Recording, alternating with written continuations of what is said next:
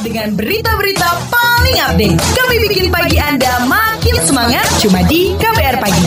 Kita keliling Indonesia dulu di WhatsApp Indonesia. Kita awali dari Semarang. Diskriminasi kelompok LGBT terjadi di Semarang. Selengkapnya bersama kontributor KBR Aninda Putri. Selamat pagi. Selamat pagi. Kasus pelanggaran hak asasi manusia terhadap kelompok minoritas lesbian, gay, biseksual, dan transgender atau LGBT kembali terjadi. Brigadir TTP yang berdinas di Kepolisian Kota Semarang dipecat dari pekerjaannya karena dianggap melanggar kode etik. Pengacara publik LBH Masyarakat Ma'ruba Jamal mengatakan, Brigadir TTP dipaksa untuk menjalani pemeriksaan kode etik Polri atas tuduhan memiliki orientasi seksual berbeda yang berujung pemecatan secara tidak hormat. Atas putusan sidang tersebut, Brigadir TTP melakukan sidang banding pada tahun 2018 di PT UN Kota Semarang namun ditolak oleh pihak Polri. Pengacara publik LBH Masyarakat mengatakan apa yang menimpa Brigadir TTP merupakan tindakan diskriminasi dan pelanggaran hak asasi manusia. Menurutnya, kaum minoritas termasuk LGBT merupakan bagian dari hak asasi manusia yang juga sudah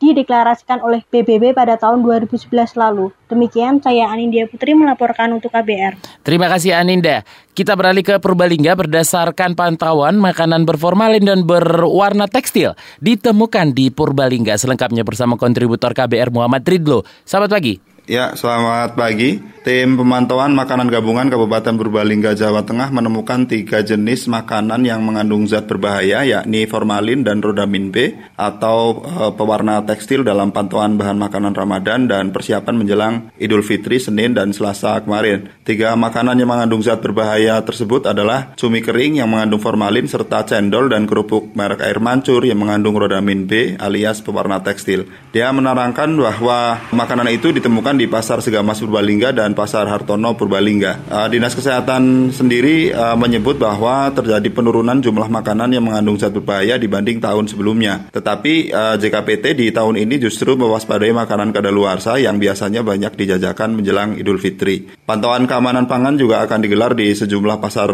uh, lain Purbalingga sepanjang pekan ini. Kemudian pantauan kesehatan pangan juga akan dilakukan secara intensif uh, sepekan sebelum Idul Fitri mendatang. Demikian laporan Muhammad Ridho dari Purbalingga untuk KBR. Terima kasih Ridho. Terakhir kita menuju Banyuwangi. Pemerintah Banyuwangi siapkan tujuh armada bus untuk angkutan mudik gratis. Selengkapnya kita dengarkan laporan kontributor KBR Ada Hermawan. Selamat pagi. Selamat pagi, pemerintah Kabupaten Banyuwangi, Jawa Timur menyiapkan tujuh armada bus untuk angkutan mudik gratis. Angkutan mudik gratis ini diperuntukkan untuk masyarakat Banyuwangi yang merantau di Pulau Bali. Menurut Kepala Seksi Pengendali Operasi dan Angkutan Dinas Perhubungan Banyuwangi, Andi Sucahyo, rute mudik gratis ini dimulai dari Kabupaten Badung, Bali menuju Kabupaten Banyuwangi. Kata dia, masyarakat Banyuwangi yang berada di Bali yang ingin memanfaatkan mudik gratis ini bisa langsung mendaftarkan diri ke Ikatan Keluarga Besar Banyuwangi yang ada di Pulau Bali. Kata dia untuk pemberangkatan mudik gratis dari Bali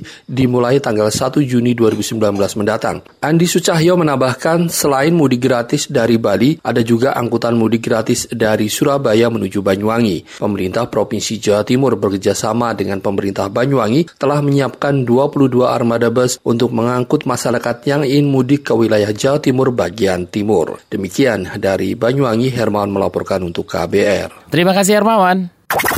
KBR, inspiratif, terpercaya.